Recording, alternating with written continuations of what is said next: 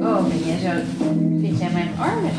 Astrid, jij had toch ook vroeger... Een tackle, ja. Ja, ik heb daar nog gedaan. Ja, dat zou best wel kunnen, want daar strikte ik natuurlijk altijd wel. Daar was ik natuurlijk wel vrij goed in om iedereen te vinden die op die tackle. Die tackle was heel erg onaangepast.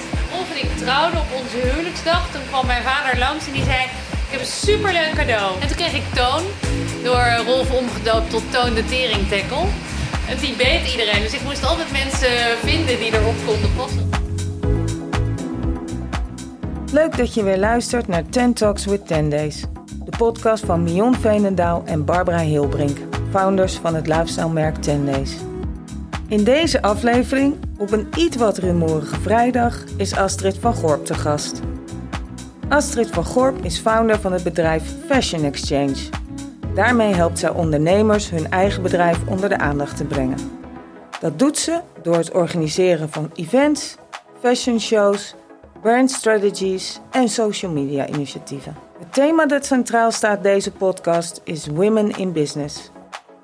Astrid, Mion en Barbara bespreken waarom zij ondernemer zijn geworden. Waarom Astrid de stad verliet en een bed and breakfast begon. En hoe ze in 2004 tijdens haar vakantie een natuurramp meemaakte en daar toen bleef om te helpen.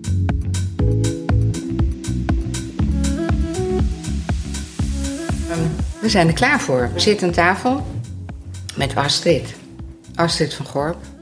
Ja, En, mag ik hier gewoon zomaar zijn? Ja, en, en zo snel ook al. Hè? Ja. Zo helemaal in het begin van onze pod podcastcarrière. maar eerst eventjes, wat doe jij precies als woman in business? Ehm, ik ben 28 jaar geleden een eigen bedrijf begonnen en dat heet Fashion Exchange. En daar, daar valt eigenlijk alles onder wat te maken heeft met dingen in de confecties, in de mode. En dat is vrij breed van het organiseren van modeshows voor de retail tot het organiseren van eh, kleine events voor een brand. Tot ehm, eigenlijk min of meer hele shoots eh, in elkaar draaien, styling. Eh, maar langzaam maar zeker, naarmate de tijd verstrijkt en je meer ervaring krijgt, eh blijk je dan op een gegeven moment eigenlijk ook een beetje in een soort consultancyrol terecht te komen. Ja. En gek genoeg is dat een hele leuke ontwikkeling. Ook die op een gegeven moment beter bij je leeftijd past. En ook beter past bij hoe je in het leven staat. Ehm, dus het is En past heel- bij alle ervaringen die je hebt precies. natuurlijk. Maar het hè? past ook bij een soort vertrouwensrol. En ik denk dat dat eigenlijk Ja. hetgeen is wat, eh, wat ik zo bijzonder vind aan het hebben van een eigen bedrijf. En van het ehm, mezelf iedere keer challengen. Dus daar hoort ook iedere keer die gezonde spanning weer bij. Weet je wel? Ja. Dat komt dus altijd terug. Omdat je dan denkt, oh, dit heb ik nog nooit gedaan. Kan ik dit? Ja. Oh, dit kan, kan ik ook. Nee, maar dat klinkt heel eh, als een logische stap, hè, die consultancy. Omdat je natuurlijk zo lang met dezelfde mensen ook eh, op verschillende manieren eh, laat zien wat je, wat je waard bent, bijna, zou ik zeggen. En, maar heel bijzonder om, om te zien ook als dit dat wij nu ook weer een soort ja, samenwerking, collaboration hebben op, op twee vlakken. Maar daar gaan we het straks nog wel even over hebben. En Bar, jij kent Astrid natuurlijk ook al eh, van heel lang geleden. Heel lang geleden. Ja, echt van net daarvoor. Want ik ben vrij kort daarna voor mezelf begonnen. Oh ja? Ja. Volgens mij was ik, eh, is dat wel, was ik 21 of zo dat ik daar, dat ik stage liep. Ja. Waar jij werkte. Ja, maar Bart, dat is dan ook al 24 jaar geleden. Ja, nu weet iedereen hoe oud ik ben. Ja, maar dat is dus toch wel een beetje. Maar dat was natuurlijk ook wel grappig, want waar ik werkte en waar jij de stagiair was, wij waren natuurlijk gewoon Ja. een soort bijna even oud. Ik was natuurlijk niet zo heel veel Ja, ouder nee. dan jij, dus wat dat betreft. eh. dus alleen, eh, ja, ik had net een iets andere rol op Ja. dat moment. Maar ja, dat is ook wel leuk, Ja. toch? Ja, In zeker. ieder geval wel veel gelachen. Ja. Ja. Maar het is een mooie herinnering, hè? Ja. Ja, het is best wel grappig. want Het is een, ehm, het is een bedrijf waar ik, eh, waar ik echt gestart ben, zeg maar. Waar ik wel mijn, eh, eh, mijn, liefde voor eh, agentuur ook wel Oh, ja. ontdekt heb. Eh, waar ik als kind, mijn ouders hadden winkels en ik ging altijd mee op inkoop. En dacht ik wel, dat misschien vind ik dat stuk wel leuker, maar wist ik niet helemaal zeker. En toen ben ik toch daar bij dit bedrijf begonnen. En daar heb ik zo ongelooflijk veel geleerd, maar voornamelijk hoe je het niet doet. Dat ik echt, dat ik echt dacht. We noemen dan geen naam. Nee, nee, zeker geen naam. Nee, nee, nee. Maar dat is ook wel geestig gewoon. Dat je echt. Ik ben denkt, alleen bang dat iedereen wel weet over welk maakt bedrijf. ook niet uit. Dat maakt ook helemaal niet uit. Want ik ben daar altijd heel duidelijk over. Ja. Ehm, maar omdat je dus gewoon. Dat je, en dan kom je. Maar ik heb alle mensen die ik daar heb leren kennen, die ken ik nog steeds. Ja.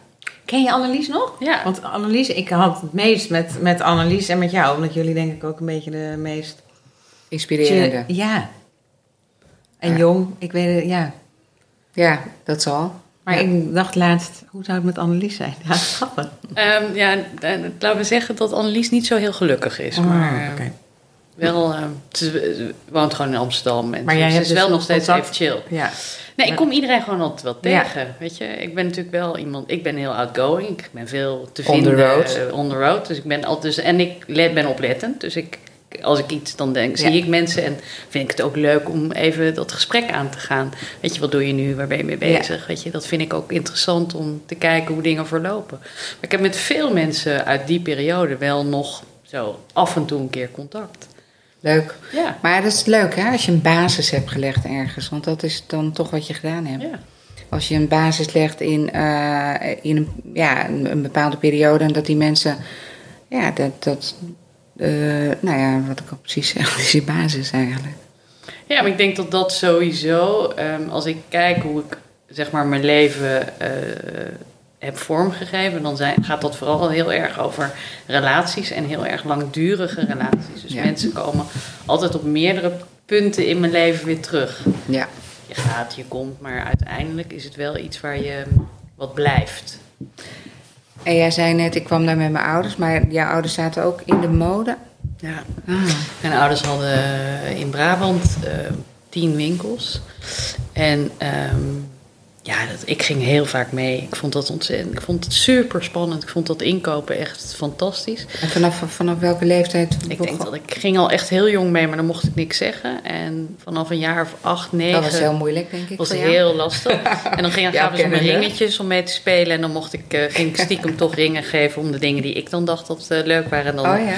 ja, dan haalde ik natuurlijk alles door de war. Want dan had ik natuurlijk net een kleur die iemand anders had of zo. Weet je wel, waardoor je dat hele systeem bij zo'n inkoopafspraak toch een beetje wist te frustreren voor anderen. En, ehm, en op een gegeven moment had mijn vader door dat ik een goed gevoel voor kleur had. Ah, ja. en, ehm, en toen dacht hij, oké, dat is wat anders. Maar ik heb niet een echt commercieel gevoel voor vorm. Dus ik mocht de kleuren aangeven en dan ging hij kijken wat de beste vorm was die erbij paste. Dat was, gewoon- nou ja, dat, door dat zelfvertrouwen, als iemand echt in gelooft dat je iets kunt, dan, ja, dan ga je er op een gegeven moment natuurlijk zelf ook wel redelijk in geloven. Ja. Ja. ja, jouw vader zat ook in de confectie, toch? Ja, en ik koos ook voor hem kleuren. Oh ja? Ja. Maar volgens mij hebben wij ook dezelfde handicap. Want jij bent ook eh, meer eh, kleur en eh, gevoel georiënteerd Ja. dan. eh Dan een commerciële vormen? ja, Ja. Want jij Ja, ja, houdt ik- ook van aparte vormen. Ja, ik kies altijd de minst commerciële vormen. Ja. Op een sample sale vind ik het heerlijk dat daar alle stukjes hangen ja, die niemand inkoopt. Ja, dat begrijp ik ook nooit. Ja, nee, ik ook niet. Nee. En ik ben dan heel blij. Ja, maar ik denk jongens dat, dat- Kijk, toevallig gisteren had ik nog een gesprek bij ons op eh eh, Icom. En eh, dat eigenlijk de makkelijkste, minst spannende stijlen... Ja, dat zijn de best verkochte. En het is heel jammer om, om, om te zien dat, dat, dat eigenlijk ja, andere merken die die markt ook heel goed eh, oppakken eigenlijk. Dat die eh, nog zes keer zoveel verkopen als wij. Omdat Ja. zij gewoon eigenlijk puur... ehm, eh, Ja, maar die gaan gewoon nee, voor de tuurlijk. nummers. Nee, tuurlijk. Die gaan gewoon voor aantallen. En, maar, en wij gaan voor stijl. Ja. Nou ja, jullie verkopen een verhaal. Dat vind ik echt iets heel anders. Dus, als je, dus dat zijn twee verschillende manieren om er naar te kijken. Eh, Dat hebben we natuurlijk vorige week eh, gezien. eh, toen we even heel kort met die, dat rugby-jurkje, zeg Ja. maar. Ja, dan, ik word dan echt heel vrolijk. Ja. En als dan naar de hand inderdaad zei ook een van, de, van het verkoopteam... zei, ja, maar daar moet echt een broek onder. Toen dacht ik, nee, daar moet helemaal geen broek onder. Nee. Nee. Maar dat is dus... Dat, dus dat, heb, dat leer je ook niet meer af. Iets wat je leert op je 14, dat doe je gewoon op je 55ste gewoon nog steeds. Ja. En dat vind ik eigenlijk wel een enorme kwaliteit. Ja. Ik vind het heel, heel leuk om te zien hoe jij ook met collecties omgaat. En dat je eigenlijk vanuit eh, niets, hè, ge- geen voorkennis, eh, een collectie induikt. eh, en, en dat je dan toch voor ons ook, hè Bar, de eh, verrassingen eruit haalt. Die we zelf misschien vanuit onze visie niet 1, 2, 3 bij elkaar gebracht zouden hebben. Die jij dan wel bij elkaar brengt. Als in, en dat vind ik eigenlijk wel een mooie, eh, ja een bruggetje dan weer eigenlijk. Naar wat, wat, wat, hoe belangrijk is styling? Hè? Want styling is, alles valt of staat bij styling. Je, en daar, nu ik het zeg, we, zitten we ook met jou aan tafel als bijna een styling guru. Hè? Dat is misschien uh, een beetje uh, overdreven gezegd, maar ik denk wel dat het heel dat dat een van jouw grootste kwaliteiten is. Het, het stylen. Ja, je hebt nog veel meer kwaliteiten, want je kijkt me nu een beetje aan van... Nee, nee ik denk echt dat dit... Ik denk dat dit echt... Nee, ik denk serieus dat dit een van mijn beste kwaliteiten is. In, en dan in een snelheid. Waar, in snelheid, ja. Waar, waar gewoon... Waar echt, die gaat niet meer gevonden worden. Nee.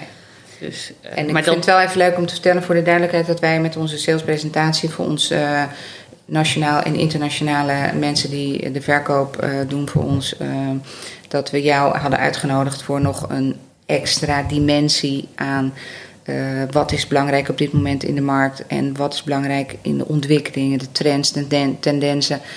Maar ook een stukje ja, jouw gevoel bij onze collectie die daarin past en valt. Hè? En ik vond het wel, en jij ook, Hebar, was wel een hele leuke aanvulling. En vonden de, degenen die geluisterd hebben, vonden dat ook. Dus dat is heel leuk om, om die feedback dan weer te krijgen. Nou, nog sterker, ik kreeg s'avonds gewoon uh, van vier mensen via Instagram uh, kreeg ik berichtjes. Dat oh, ja? ze het zo ontzettend Ja? leuk gevonden hadden. Ja. Ja, het is echt een aanvulling op wat, op wat wij zeggen, wat Ja. wat vager is. Jij bent veel concreter. En ik vond het ook heel leuk en goed om het, eh, de vraag over comfort. Nu na corona, of nee, het is nog niet na corona, maar dat iedereen misschien weer wat minder comfort. Maar dat, dat verhaal wat jij had over eh, het gezonde en het comfort blijft. En, en je gaat gewoon in je jogger. eh, doe je alles eigenlijk van bar naar. Of nee, je begint op kantoor. Gym to bar. Gym to bar. Het is een beetje jouw, Ja. eigenlijk jouw levensstijl. Ja, Carr. wel. ja, Ja, maar dat vond ik was echt goed, want dat is wel wat mensen heel erg bezighoudt nu. Van, oh jee, nu is het comfortabel, iedereen heeft hele comfortabele kleding gedragen, gaat dat nu weg? Ja, en wat ik ook leuk vond, Bar, is dat wij denken dan dat we alles gezegd hebben. Hè? Ja. En wij denken wel dat ze het weten inmiddels. Maar als er dan zeg maar een, een nieuw iemand het nog een keer vanuit een andere hoek belicht, wat we eigenlijk doen en waar onze kracht ligt. En dat hebben we natuurlijk ook met die social media trainingen. Dat als dit dan eigenlijk op eigen initiatief dingen zegt, dat ik denk, dankjewel Astrid. Want dit is, ja, dit is een extra bevestiging voor wat wij in, op misschien andere manieren vertellen. Maar omdat jij het dan op jouw manier vertelt en op jouw, ja, eh, toch wel anders binnen bij mensen. En ik denk dat dat, dat vind ik enorm eh, eh, leuk om te zien en, en ja, super belangrijk.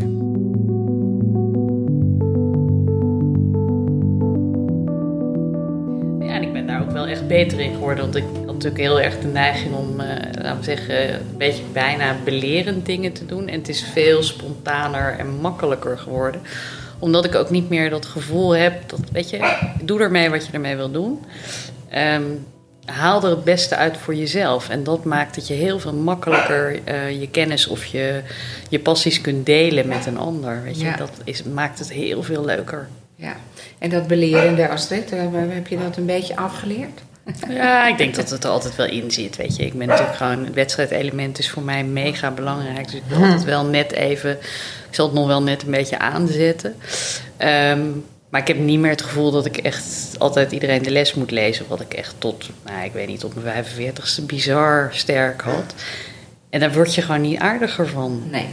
Dat is ook niet leuk hoor. Nee, maar ja, Ja. dat, dat realiseer je altijd pas achteraf natuurlijk. Maar is dat genetisch? Ja, ik denk het wel. Ik denk wel dat, eh, laten we zeggen, mijn moeder is eh, wel vrij pittig. Daar ben ik wel een amateur bij.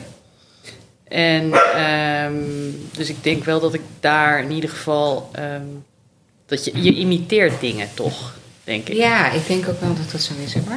Dat het twee kanten op kan gaan hè, met ouders. Dat je of je imiteert of je zet je af. Tenminste, dat, dat zie je vaak. Ik weet niet of jij dat, eh, hoe jij dat ziet hoor. Maar ehm, het kan ook zijn dat je juist dan niet wil wat je ouders wel deden. Hè? Ik denk dat je alle twee doet. Ik denk dat je in zekere zin zeg maar eh, je afzet en vervolgens zijn er toch een aantal aspecten die je overneemt. Ehm, ik denk alleen, ik denk, er zijn, het is grappig, mijn moeder is pittig, maar is bijvoorbeeld structureel ontevreden. Eh, dus ik heb met mezelf afgesproken, ik sta altijd lachend op foto's, want die afhangende mondhoeken vind ik niet zo leuk. Nou, dus er zijn dingen die je dus op een andere manier invult, waar je wel eh, mee opgroeit, waarvan je denkt, oh, dat wil ik niet. Maar er zijn ook dingen die je gewoon identiek hetzelfde doet. Als ik mezelf hoor praten, dan denk ik, oh ja, die stem die ken ik. Ja. maar die tone of voice. Ja, Ja. ja. En jij hoor? Ja, nee, dat heb ik ook. Ja. Ja, je gaat naarmate je ouder wordt krijgen... Ja, of, of je het nou wil of niet, het gebeurt gewoon. Ja. Ja. Dat je dingen herkent en denkt, oh, dan doe ik het zelf ook. Ja. Ja. Ja. Ja. ja, ik heb dat ook wel. Hè. En ik, denk als je ervan precies, eh, bewust bent, ja. Ja, ik heb een beetje dat dominante van mijn moeder. Hoewel ik mezelf helemaal niet dominant vind. Maar jij Maar je bent gewoon dwingend. Nou ja, wij zijn, gewoon, wij zijn alle twee ongelooflijke drammers gewoon. Oh, drammer Ja, zei drammers. jij. Ja. Leon is Oh. echt een drammer. Ja, ik, ben ik ken ook. jou, ja, ik ken jou niet goed nee. genoeg. Ik, ook. Ja. Echt. Wat voor sterren wilde jij? ik ben een leeuw en ik ben als ascendant leeuw. En ik ben in de Chinese astrologie een paard en een vuurpaard. In alle opzichten echt serieus. Als ik in China geboren was, hadden ze me gewoon verbrand. Ze zijn too hot to handle. Meisjes in China onder een vuurpaardgesternte. Die werden echt gewoon, die werden vermoord. Ja. Echt? Ja, die waren veel te heftig. Maar vuurpaard heb ik nog nooit van gehoord. En je hebt dus ehm één keer in de twaalf jaar in die eh, Chinese astrologie is bij paard is het een, het, is het een vuurpaard. En die zijn dus zo heftig dat ze. nou, die, worden, die, die, daar werd, die werden echt om zeep geholpen zoveel mogelijk. Want die kwam, je kreeg je niet uitgehuwelijkt. Die waren echt sowieso ingewikkeld. Dus wat dat betreft, laat ik zeggen, everything is on fire. Mijn god. Oh, Sid, ik heb wel een vraag ook over. ehm, vind jij dat er. eh, jij hebt natuurlijk heel veel eh, eh, verschillende mensen met wie je werkt in retail. Maar vind jij dat er het verschil is tussen de aanpak van tussen mannen en vrouwen? Ehm, ja, absoluut. Vind ik wel. Ehm, ik, vrouwen zijn vaak toch meebewegender en zijn oplossingsgerichter. En denken iets meer aan de lange termijn.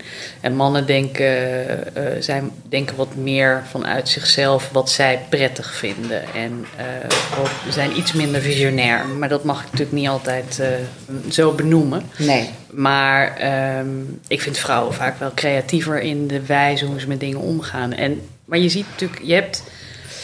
Kijk, je hebt feminine leiders en je hebt natuurlijk masculine leiders. En daarvoor hoef je niet per se man of vrouw te zijn. Nee, dat klopt. Dus ik ben natuurlijk een vrouw, maar ik ben een masculine leider. Ehm, waar Robin, mijn tweede eh, in het team, duidelijk een feminine leider is. Dus die, dat zal bij jullie denk ik ook eerder de verdeling zijn. Maar ik vind zeker dat er een verschil is tussen hoe mannen en vrouwen leiding geven. En Ja. ook hoe ze zich, ehm, hoe ze performen. Ja.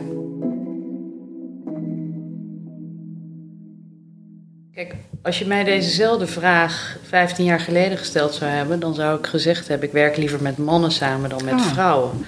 Waar ik nu veel liever met vrouwen werk, omdat ik, ehm, omdat ik ervaar dat, eh, dat een vrouw veel meer tot het gaatje gaat om iets Voor elkaar voor te elkaar krijgen. te krijgen. En uiteindelijk is dat natuurlijk wat does the trick. Ja. Want het gaat niet vanzelf. Er gaat helemaal niks vanzelf. Dus je moet echt alles uit de kast halen. En daar heb je dus ook heel veel voor nodig om het met elkaar te doen. En wij zijn veel meer bereid om met elkaar na te denken en mee te bewegen van wat er nodig is en hoe je dat dan ook voor elkaar krijgt. Ja. En dat, dat vind ik super leuk om te zien. En dat is ook wat mij in ieder geval heel erg inspireert om met die jonge mensen de hele tijd gewoon samen nieuwe dingen te, te ontwikkelen. ja, want je hebt veel, veel jonge mensen om je heen, hè? Ja. Ja, dat snap ik ook. Ja. Ja. Maar die, waar je ook mee samenwerkt. Ja, maar ook, ook verder. Ik heb best veel jonge vrienden. Je kunt mijn vriendenkring indelen in zeg maar de dertigers en in de, de, de 50-plussers. En ik denk dat ik meer dertigers eh heb dan Om je heen, eh, 50-plussers. Grappig. Ja. Heb je ja. dat altijd gehad? Ja, ik heb altijd heel veel jonge mensen om me heen. Ja. Ik vind het heel leuk. Ja, en ik, ik heb die energie ook Ja. echt. Ik kan, ik kan goed in die energie meegaan. Ik heb, laten we zeggen, best veel energie, Mhm. dus ik kan dat ook goed. Maar ik word er ook vrolijk van. Ja. Dus ja, voor mij is dat super belangrijk. Echt, eh, ik vind het ook nog steeds gewoon gekke dingen doen, stoute dingen doen, weet je? gewoon, dat vind ik gewoon leuk. Ja, Nee, maar ik, ik weet nog dat ik eh eh 40 was. En toen vrienden om mij heen werden ook 40. En ik gaf ze eigenlijk allemaal het boek Meisjes van 40. Want dat vond ik zo'n fantastisch. Heb ik het jou ook Ja. gegeven? Ja. Ja, dat doe ik gewoon denk ik voor iedereen. Ja. die om me heen zit. Die ik, dat ik denk, realiseer je gewoon dat je... Je bent een vrouw, maar eigenlijk ben je een meisje. En eh, dat meisje, ik vind, hou heel erg van vrouwen die een beetje meisjesachtig zijn. En niet dat ze eh, vlechtjes in hebben. vlechtjes is wat mij betreft echt na je, na je achttiende echt verboden. Nee, maar ik, weet toevallig hier bij de supermarkt, eh, bij de foodmarkt, er zit een vrouw van eh, weet ik hoe oud en die heeft heel vaak vlechtjes in. En dan denk ik, oh mevrouw, dat, dat is net- dus niet wat Nee. het leuk maakt, hè? Nee. Maar dat is meer, die, hoe heette die meisje in Tokio ook weer? Die Ja. dat- hoe heet dat ook weer, weet je? Oh ja, die, oh, die met die rol. Die ja, maar hoe- daar is een woord voor, toch? Ja, ze, hebben- ik, maar ik weet het nu even niet. Maar oh, die vond ik zo leuk. Dat Jij moet dat weten, jij moet dat die weten, foto's, ja, maar ik weet het echt even niet. Nee, Ha, maar ha, dat zo. Harajuka. Nee, maar dat die buurt heet volgens mij zo. Nou, Ja, Whatever. maar Ja. überhaupt. Jeetje, Tokio. Tokio. Ik zei gisteren nog, iemand zei waar zou je nu heen willen voor de volgende inspiratietrip? Tokio. Ja.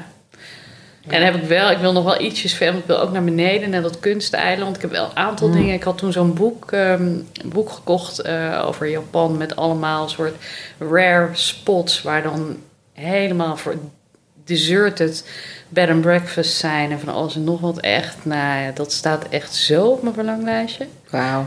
Ja. Ja. maar ik vond Tokio echt verrassend hè, toen wij er waren. Ik had een heel ander beeld. En ik vond het zo, ik had echt een heel ander beeld. Maar ik weet niet hoe ik daarbij kwam. Maar wat had je als beeld dan? ja, gewoon heel veel mensen eh, en heel compact. Maar het was juist heel uit, uitgestrekt. En, en, en ook die wijken waar wij hebben gelopen, waar dat je gewoon bijna een dorpachtig gevoel had. En dat vond ik echt verrassend. Ja. Ja, met kleine grachtjes erin. Ja, je, maar, eh, maar ook een beetje, ja, waar, waar kan je het mee vergelijken? Eh, is het te vergelijken met iets? Nee. Nee. Ik weet wel dat wat ik heel mooi vond, en Bardi heeft ook altijd van die spontane ingeving, dat wij gewoon ergens op een zebrapad liepen en dat je ineens iemand vroeg om eh, een tekst in, in, Oh. in het Japans op te schrijven. En die hebben we toen in de collectie gebruikt als in Never Regular Maybe eh, of zoiets. Iets met enjoy volgens mij. Of Enjoy. ja. En dat we dan die tekentjes in het Japans. En dat dat eigenlijk iets was dat jij dacht, ja, dat, hoe leuk als je dat in je collectie. eh, en die, ik geloof, die ene hoodie, die heb ik nog steeds. Maar die hele tekst op die mouw stond. Arigato. Arigato. ah, maar, ja. ja, maar dan met, met tekens. Ja, ja, ja. Ja. ja. Ja. Dat, eh, dus dat gaf wel een extra dimensie aan zeg maar, de inspiratietrip naar Tokio. En dan ook ja, die eh, tekentjes gebruikt hebben in die collectie. Als in, eh, ja, ik moet wel zeggen trouwens dat alle collecties die we doen, en ook zoals nu de nieuwe collectie weer, dat we eh, dat het, als er een thema is en je legt dat uit aan klanten, dat wordt echt heel. eh, mensen vinden dat heel interessant. Dat Nee, we, Dat ja. is natuurlijk ook de basis, weet je, het verhaal daarachter vertellen, dat storytelling zonder iets. Het ja, gaat maar als gewoon dit, niet er meer. zijn toch genoeg merken die dit niet doen? Nou, ik denk dat ze in, in de basis dat iedereen wel een verhaal ergens heeft. Ja? Ehm, Ja, iedereen Alleen- werkt wel met een thema, denk ik. Nou, ze hebben in ieder geval ergens wel een inspiratiebron. De vraag is of die inspiratiebron Gecommuniceerd wordt. en of die overkomt. Ehm, en, ik, en dan of iemand er die het weer, die een ander die het moet overbrengen, of die het ook kan overbrengen. En dat geldt natuurlijk van, van jullie kant naar de retail, maar dat geldt in eerste instantie met het tussenstapje. En dat is, ik denk dat daar gewoon nog ongelooflijk veel werk aan de winkel is. Ja. En als, dat, als we dat weer beter voor elkaar krijgen in onze branche, dat mensen de liefde en de passie voor en aandacht van waarmee iets gemaakt is, of waarmee iets ontwikkeld is, of wat de inspiratiebron erachter is, of het moment waar je van genoten hebt. Weet je, wat je nooit dus vergeet. Dat je op een zebra staat en dat je denkt, weet je, dat vergeet je niet meer. Nee. En iemand anders, als je dat, weet, dat moment weet te capturen. Al is het maar een heel klein kaartje waar aanhangt met een handgeschreven stukje van Bar erop waarom dat zo is. Diegene die het leest, vergeet het dus ook nooit meer. Nee. En, en dat is uiteindelijk waar het over gaat. En dat is de, de experience die we moeten gaan maken en waar we veel meer mee moeten doen. Ja, ik zou, het gaat, als jij dit zegt, dan denk ik, wat, wat vind jij nog meer heel belangrijk wat we nu zouden moeten doen?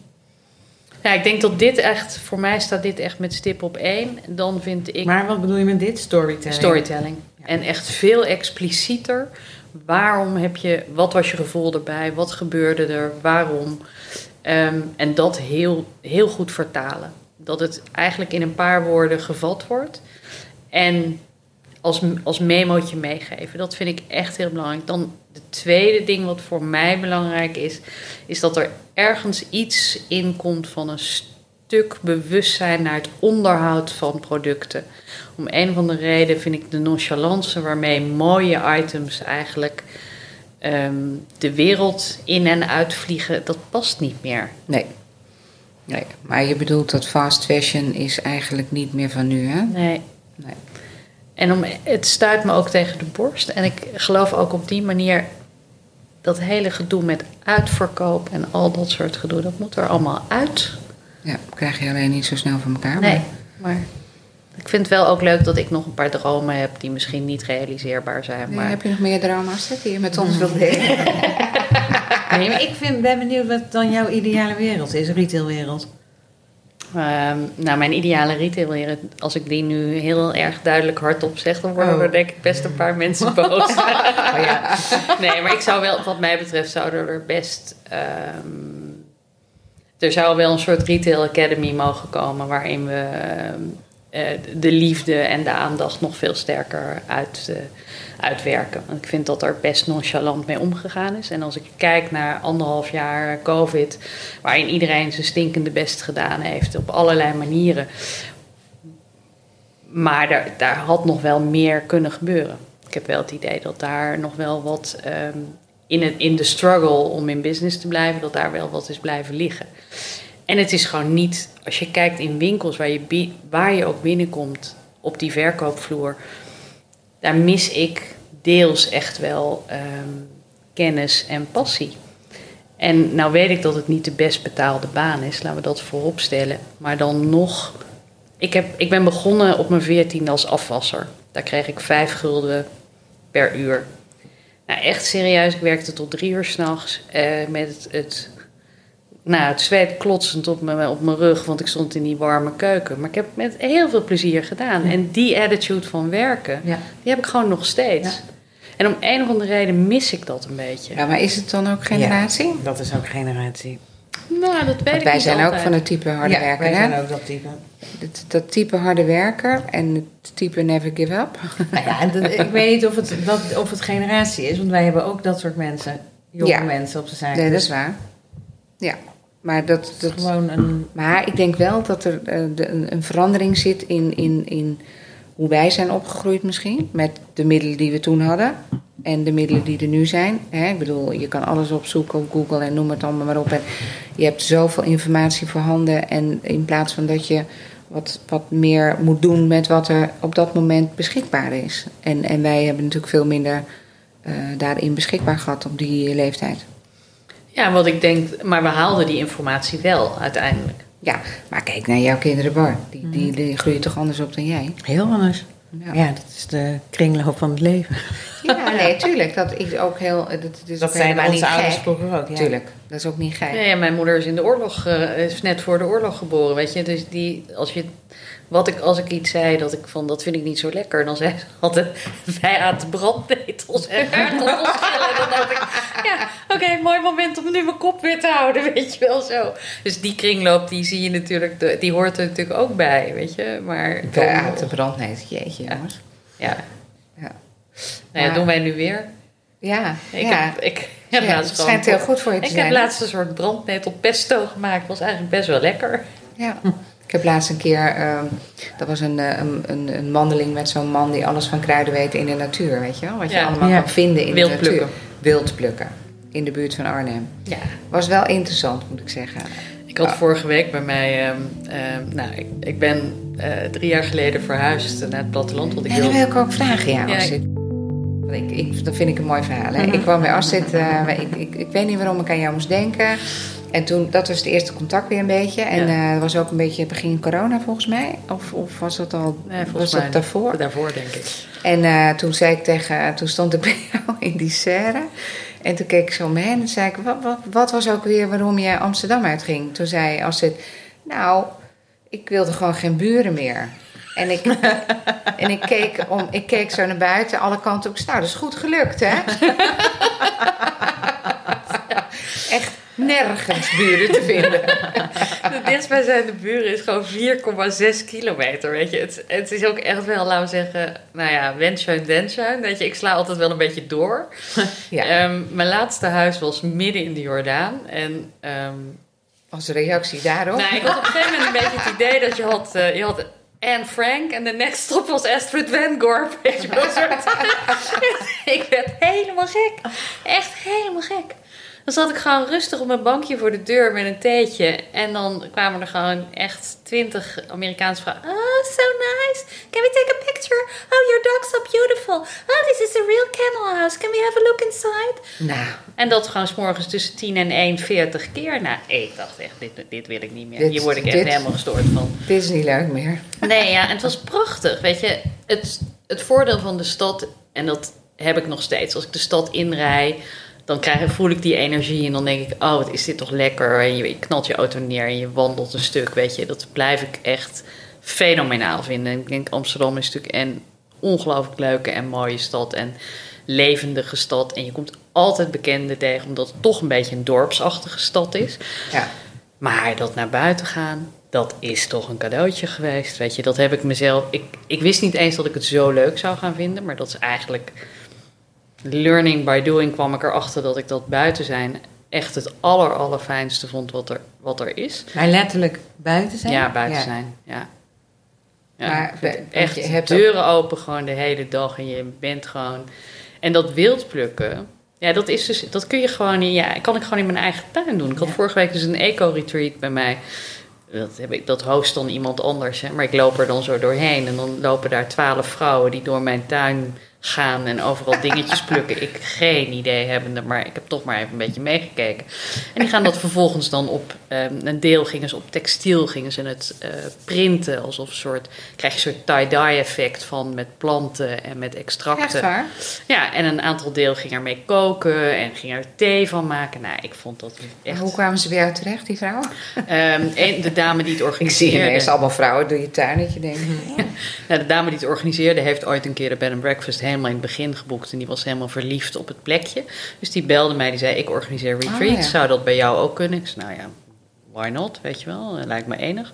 Nou, en verder, eh, dus zij heeft dat verder helemaal georganiseerd. En die mevrouw die dat wildplukken begeleidde, super hip, over de top, gek meisje. Zo'n beetje, eigenlijk zou je denken, ze is meer een DJ dan dat ze zo'n mevrouw is die dan helemaal into, the, into nature is. Maar echt heel leuk om te zien. Overal grote vuren gemaakt waar je ook dan dingen weer op kon. Even zeggen, erboven een soort licht roosteren. Het zag er echt ook enig uit. Weet je, ja, daar geniet ik dan enorm van. Gewoon Ja. alleen al dat zien van. En je ziet dat iedereen opknapt van buiten. En dat kan natuurlijk ook niet anders. Met al die digital movements die we hebben, daar moet steeds meer natuur tegenaan staan. Ja. Je hebt het gewoon nodig als compensatie. Ja. Ja, ik vind die naam ook wel leuk, hè? Atelier Ver, maar die heb je al lang, hè? Ja. Ja. Hoe kwam je eraan? Nou ja, ik wilde altijd een atelier. Niet omdat ik nou zo mega creatief ben, want eerlijk Dit gezegd... pand heet toevallig eh Atelier Complex. hè? Oh, oké. ja, ik wilde altijd een atelier. Dat, was, dat stond wel heel erg op mijn verlanglijstje. Daar had ik een soort romantisch gevoel bij met een eigen atelier. Ik denk dat ik voor mezelf besloot dat ik dan waarschijnlijk ineens wel zou kunnen schilderen. dat is niet zo. Dat is niet gelukt. Nee, ik kan het echt niet. Ik kan ook echt niet tekenen. En, ehm, en, toen dan, en nu, en ik, je zit, het is echt groener dan groen waar ik woon. Nou, je Ja. hebt het gezien. Ja. Ehm, atelier ver. Klaar. That's Ja, ik vind het wel een heel leuke naam, want Ja. jou- jouw bed and breakfast heet ook Ja. zo. ja. ja. Maar en, en is dat bij jou in de tuin? Ja, het staat eigenlijk, mijn huis staat literally op de dijk. Een oude, oude pontwachterswoning. Ehm, Een beetje Hans en Grietje-achtig huis, of Pippi Lankhuis-huis, hoe je het ook wilt noemen. Echt zo'n kleine luiken, weet je, heel... ja, met van die groen-rode ja, luiken. groen-rode luiken. Het is echt, echt wel een beetje zo'n soort peperkoekhuisje. Het is ook klein, weet je wel. Ehm, het is echt een klein huis. Het is geen gezinshuis. Dus, maar het is wel Nee, heel... is het zo klein? Ja, het is klein. Het lijkt... Het, op ik heb foto- niet als klein ervaren toen ik bij Nee, was. maar het, het is, het, is, het is geen groot huis. En, maar het lijkt zeg maar, op foto veel groter, omdat het vrij imposant gebouwd is. En dan loop je de tuin in. Er staat 100 meter erachter staat een oude, oude schuur. Dat is een schapenschuur was het. Er stonden de schapen in toen ik het kocht. En daar heb jij een collectie verkocht? Ja, niet? dus Oh, toen ik er stond begon... schaap in? Ja, stond schaap in. Dus toen ben ik al die steentjes eruit gaan halen. Want daaronder lag natuurlijk, laten we zeggen, nogal wat poep. Mm. Dus dat moest er allemaal uit. Nou, toen het zand weer afgevlakt. En toen dacht ik, dat kan ik heel goed zelf, die steentjes terugleggen. Maar dat kon ik natuurlijk niet. Nee. Nou, dus dat, die zijn gewoon weer erin gelegd. En toen langzaam maar zeker een beetje verbouwd. Eerst collectie erin verkocht. En ehm, nou, met het, eigenlijk de, aan, de start van corona... het merk wat ik 21 jaar deed... eh besloot de stekker eruit te trekken. Zie, je, zie je dat als een punt van vallen en opstaan bij jou? Nee, ik denk dat het. Kijk, ik was daar al wel eigenlijk. Ik was aan dat besluit toe, maar om een of andere reden vond ik het een soort eh, arrogantie om het zelf te stoppen. Oh ja. Ik dacht, ik heb daar ongelooflijk veel geld mee verdiend. Als ik nu zeg dat ik ermee ophoud, dat is. Dat, dat mag ik mezelf niet permitteren. Dat is Mhm. niet oké. En toen werd het besluit genomen voor me. Toen dacht ik, nou, oké. Ik was boos over hoe het afgewikkeld is. Dat is wat anders. En de timing was niet zo heel gunstig. Nee, het was alles tegelijk. Ja. Hè? Je Ja. hele agenda liep leeg met alle shows die aangecanceld werden.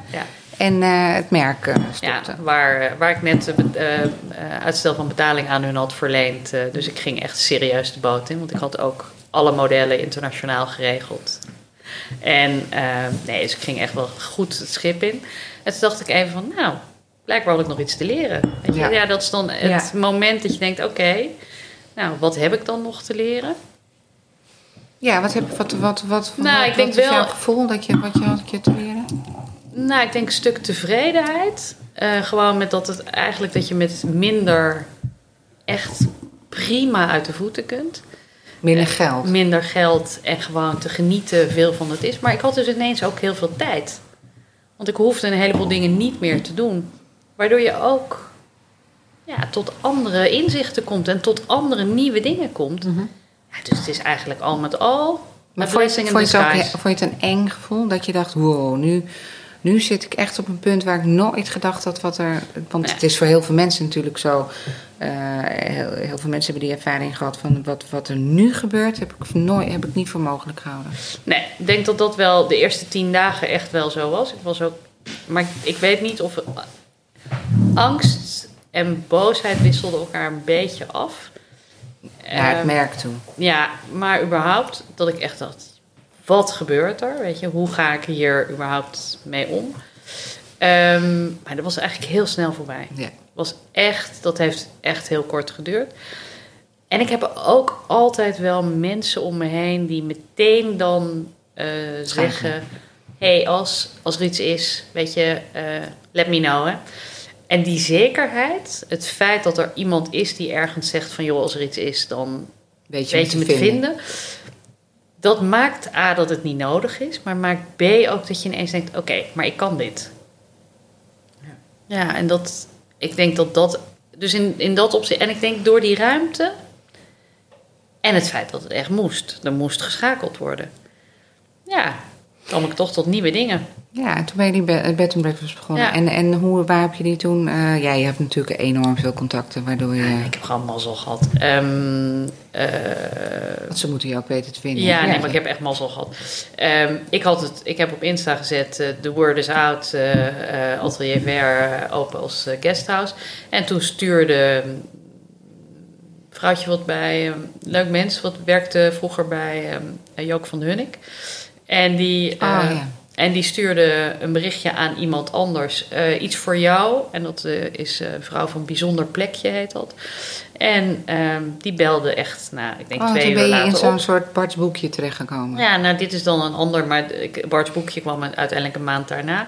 En deze mevrouw van Bijzonder Plekje belde smiddags om vier uur op. Ik heb het om twaalf uur s morgens opgezet. En Hm. die belde om vier uur s middags op. En die zei, ben je vanavond dan, eh, kan ik komen? Ja. Eh, ja, dat is goed. ja hoor. Ja, nee, tuurlijk. En die is twee dagen gekomen. Die heeft mij keurige checklist gegeven van alles waarvan ze vond dat ik er iets aan moest doen. En het waren allemaal hele simpele dingen. Want weet je, ik ben natuurlijk best wel een beetje nonchalant. En ik hou wel van luxe, maar ik ben ook wel nonchalant. Dus, eh, en zij zei, weet je, eh, de wc, moet, de deur moet echt dicht kunnen. Eh, en die ging een beetje zo schuin, half dicht. Dus die moest even afgeschaafd worden. Nou, zo waren er wel meer van die kleine dingen. Handdoekjes bij dit. Dat denk ik, nou ja, Prima. ja, fijn. Maar echt zo van die beetje tutterige dingen, maar wel dingen die dus praktisch zijn. Nou, dat heb ik allemaal meteen uitgevoerd. En zij hebben het op hun site gezet. Nou, laten we zeggen, dit was op een donderdag, dat was op een zondag. En ik zat op dinsdag vol. En tot nu toe zijn, ben ik misschien tien dagen leeg geweest. Jeetje.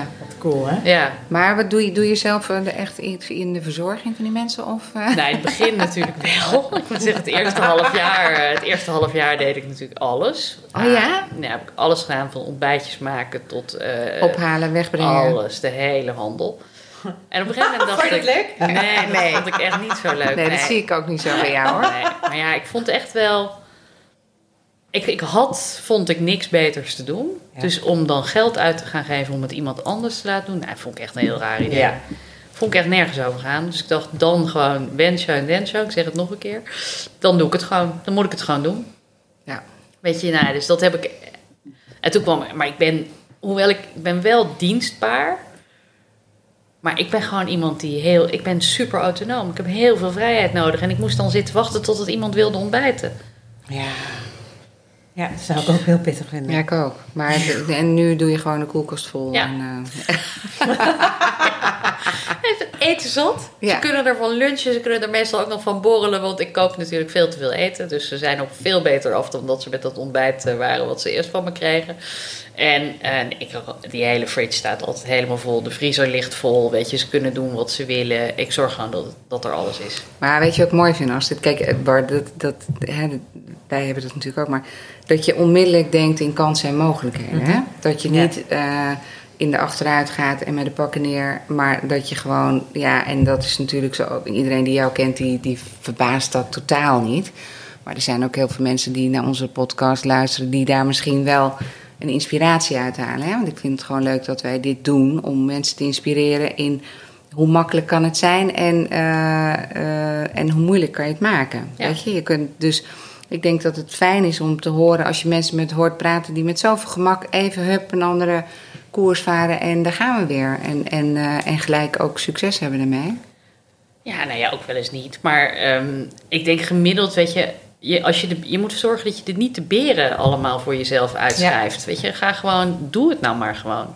Ja. Je kunt altijd wel twintig dingen bedenken waarom je het niet zou doen of waarom je het niet zou kunnen. Ja, maar, maar ja, dat is heel, dat vind ik echt top dat je dat zo op die manier zegt. Want ik, ja, als je te veel bezwaren altijd maar op weet te verzinnen Mhm. bijna, ja. Ja. dan, doe je heel, dan laat je heel veel kansen voorbij gaan. Maar ik denk wel door mijn spontaniteit en door mijn ook een beetje mijn gut feeling altijd te volgen, heb ik ook meer gekke dingen gedaan dan dat ik anders gedaan zou hebben. En tuurlijk ben ik daardoor in, in rare situaties terechtgekomen en heb ik rare beslissingen genomen waarvan mensen achteraf zeiden: ja, maar waarom deed je dat nou? Heb je daar een voorbeeldje van die leuk is voor ons? nou, ik denk. Want je maakt me wel een beetje nieuwsgierig. Nou, het is er eentje waar jij me toevallig laatst naar Ja. vroeg. Nou, dat is eh, best een, dat is wel een voorbeeld van zo'n situatie waarom ik, waarvan ik achteraf dacht: waarom ben ik daar gebleven? Vertel eens, hè, want het was 2004 Thailand. ja. Ja. ja, ik zat in India, ik zat niet in Thailand. Ah. Ik zat in India, ik zat in eh, Trivandrum. En Trivandrum is, eh, ligt op een punt in Zuid-India, eh, eigenlijk in de provincie Cochin. En waanzinnig mooi yoga-retreat, ehm, waar ik helemaal niet aan yoga deed, maar eh, iedereen om mij heen wel. En ik zat gewoon een beetje te chillen op eh, de punt. Het hotel stond op een klif gebouwd en hing eigenlijk over, het, over de zee heen. En ik zat gewoon zo'n beetje met mijn boek. En je ziet ineens, zie je de zee gaan Hè? kolken. En je ziet een boot in de verte, zie je gewoon Omhoog komen. omhoog komen en die eindigt boven je in een boom. Dat zag jij. Ja. En dat je echt denkt, wat gebeurt er? Dit klopt niet. Het, het klopt niet. Maar wij zaten zo hoog dat er verder met ons eigenlijk niks gebeurde. Waardoor ik me ook niet op het moment wat er speelde, nou zo heel expliciet realiseerde wat er gebeurde.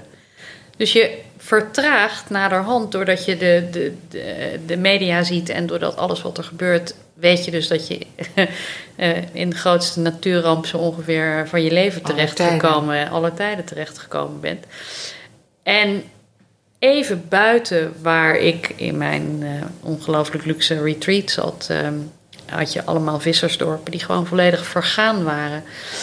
Maar echt weggespoeld. Gewoon bestond niet meer. Gewoon helemaal vervaagd.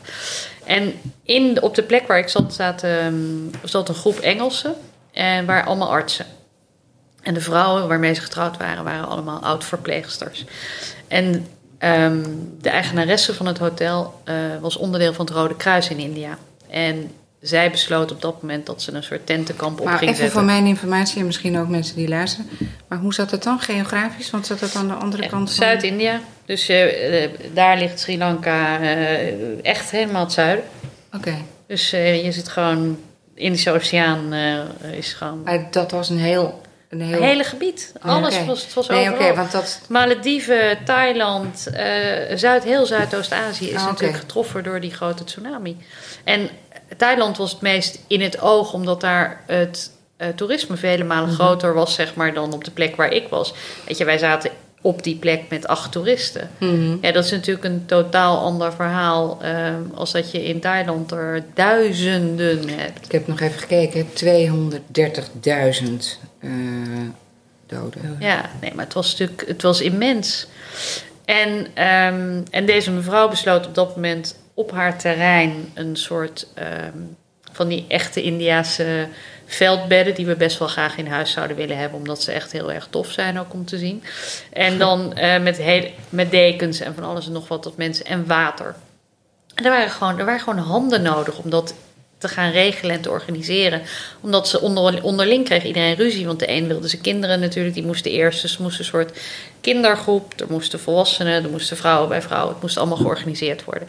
En die, drie van die artsen die hadden besloten dat zij dat dan gingen managen. En uiteindelijk iedereen, nou, we moesten gewoon helpen. En ik werd verantwoordelijk voor het water gemaakt. Maar in eerste instantie hadden we natuurlijk nog gewoon gezond en vers. Gewoon mooi botteld water.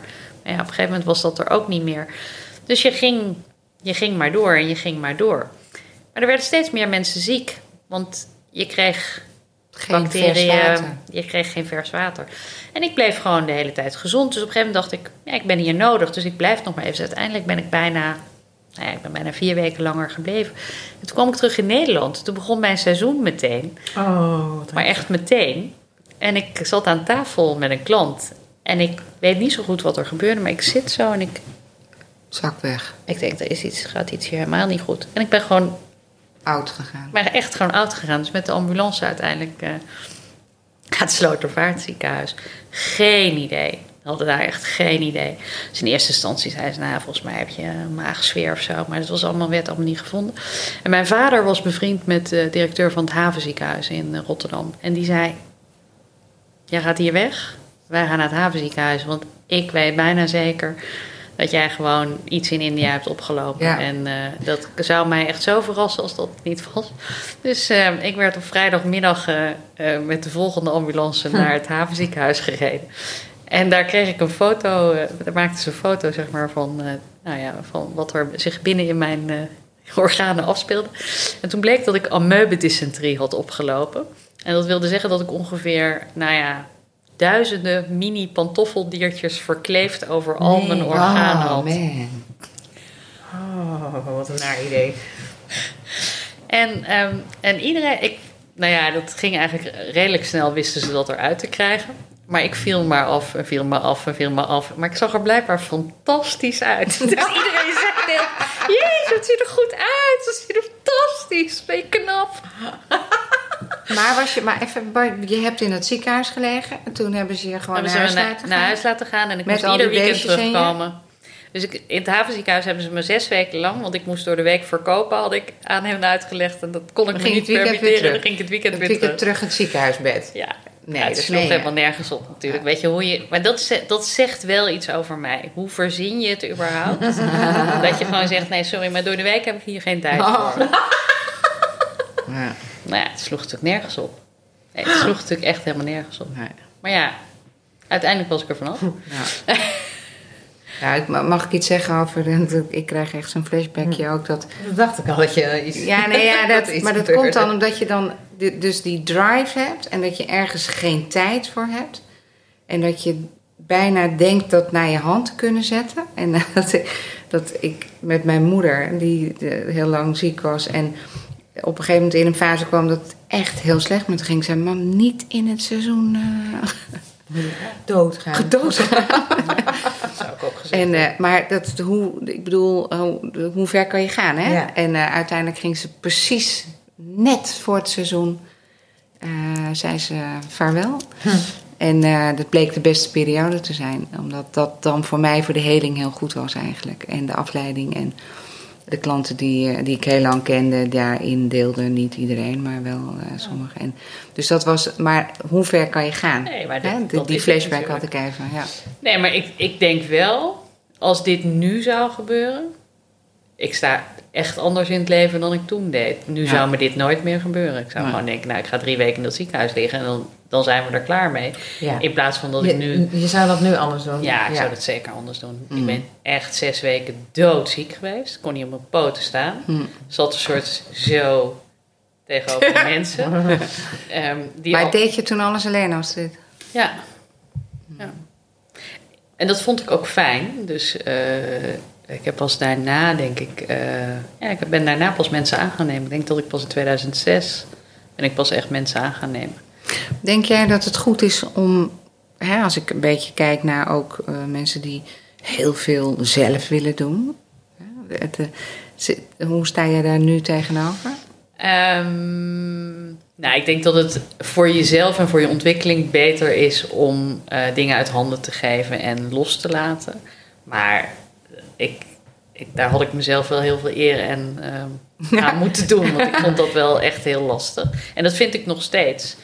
Ik heb dinsdag een, eh, had ik een hele grote digitale productie en ik had eh één, ik had iets gezien, ja. Wat, wat had je dinsdag? eh, dinsdag een grote show opgenomen voor, voor een brand. En ehm, André, is een van de jongens uit mijn team, die was de choreograaf. En hij is ongelooflijk getalenteerd en leuk en energiek.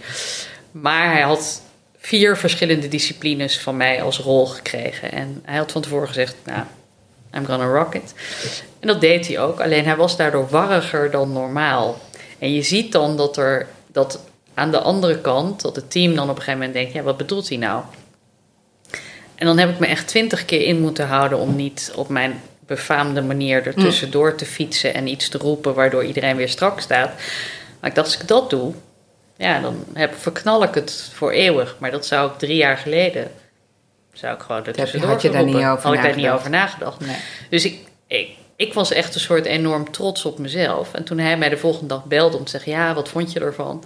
Toen kon ik dat ook heel rustig gewoon pareren. En toen zei hij: Ja, ik was echt wel heel dankbaar dat je dat niet deed. Toen dacht ik: Nou, weet je, dan heb je dus alle twee wat geleerd.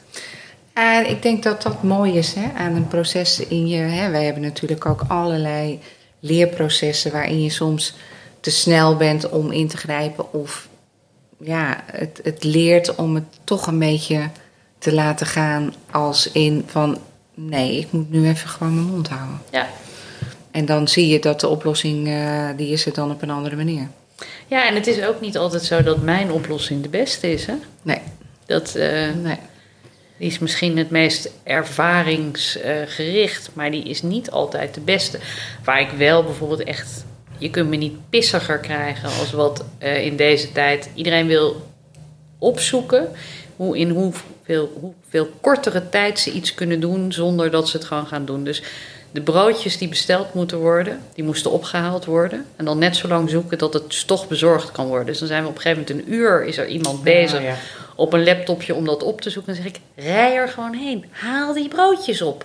Doe me een favor. Weet je, je was al drie keer heen en weer geweest. Ja, maar dat moet toch kunnen? Ik zei, ja, maar je bent nu al een uur bezig, dus je gaat ze nou maar gewoon halen.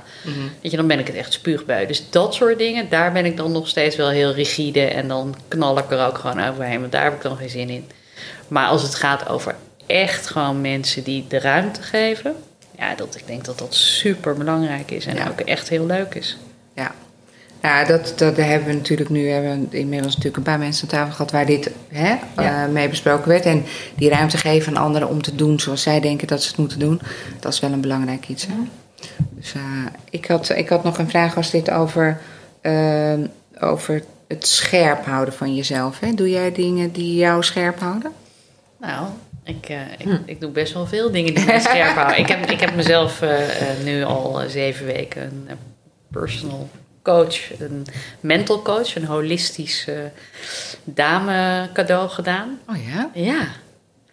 Ja, ik, vond wel, ik vind het ook wel spannend. Zij is een stuk jonger dan ik, dus ze is eh, begin 40. En ehm, ja, zij kijkt gewoon op een andere manier. En vraagt aan mij ook heel duidelijk...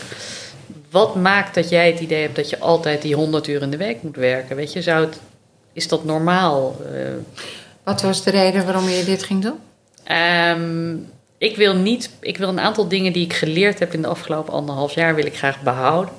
En ik wil niet alles precies weer terug zoals het was, Ja. omdat ik eigenlijk denk dat het voor mij een hele goede en eh, mooie tijd geweest is. En daarbij wil ik niet zo ver gaan als Hugo de Jonge, dat ik zou zeggen dat ik het niet zou willen missen. Maar ik heb wel echt heel veel geleerd en ik heb ongelooflijk veel leuke dingen gedaan. Maar nu komen al een heleboel dingen die we daarvoor deden, komen er weer bij.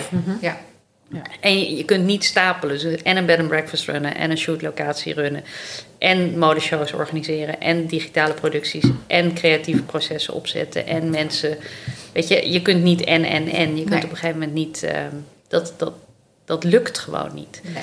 Eh, dus ik dacht, oké, dat moet ik dus anders gaan. Ik moet het anders orchestreren, maar ik moet het dus ook anders vormgeven. En ik voelde dat ik daar voor het eerst een keer een beetje hulp bij nodig ja, had. ja, ja, ja, wat goed. En ja, ik vind het ook wel. Ik vind het echt wel een cadeau. Ja, het is een cadeau. Wij hebben laatst ook met iemand eh, gesprekken gehad hè, over. eh, hoe heet hij ook weer? Ja, Serge.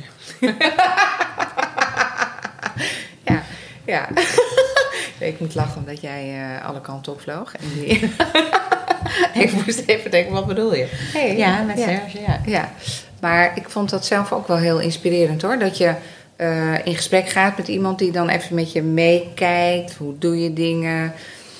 Wat vind je er zelf van? En ergens als je in zo'n gesprek gaat, denk je, pff, een keer eigenlijk wel zin in. Hè? Ja.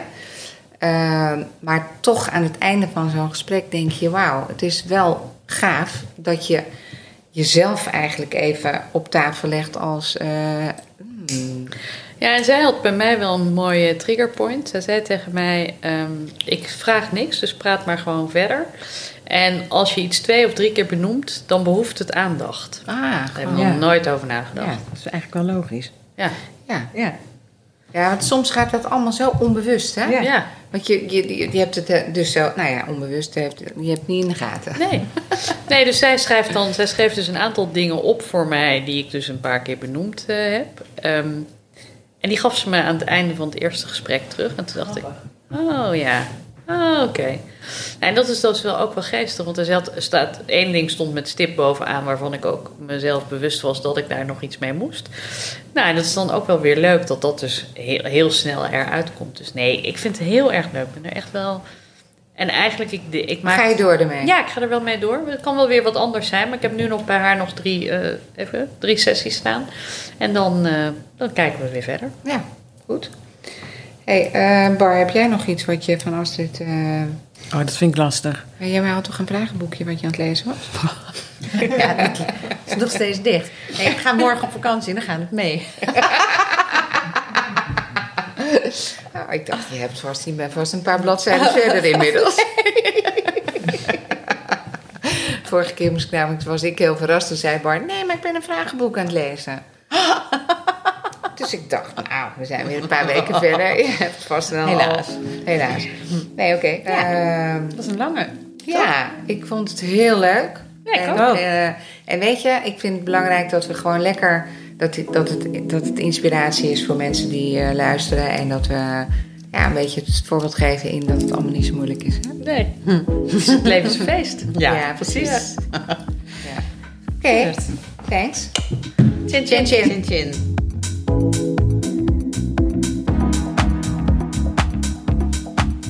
En tot zover deze aflevering van Ten Talks with 10 Days. Wil je meer 10 Days? Ga dan naar de website 10dayslifestyle.com of onze Instagram at 10dayslifestyle. En wij zijn er over een maandje weer.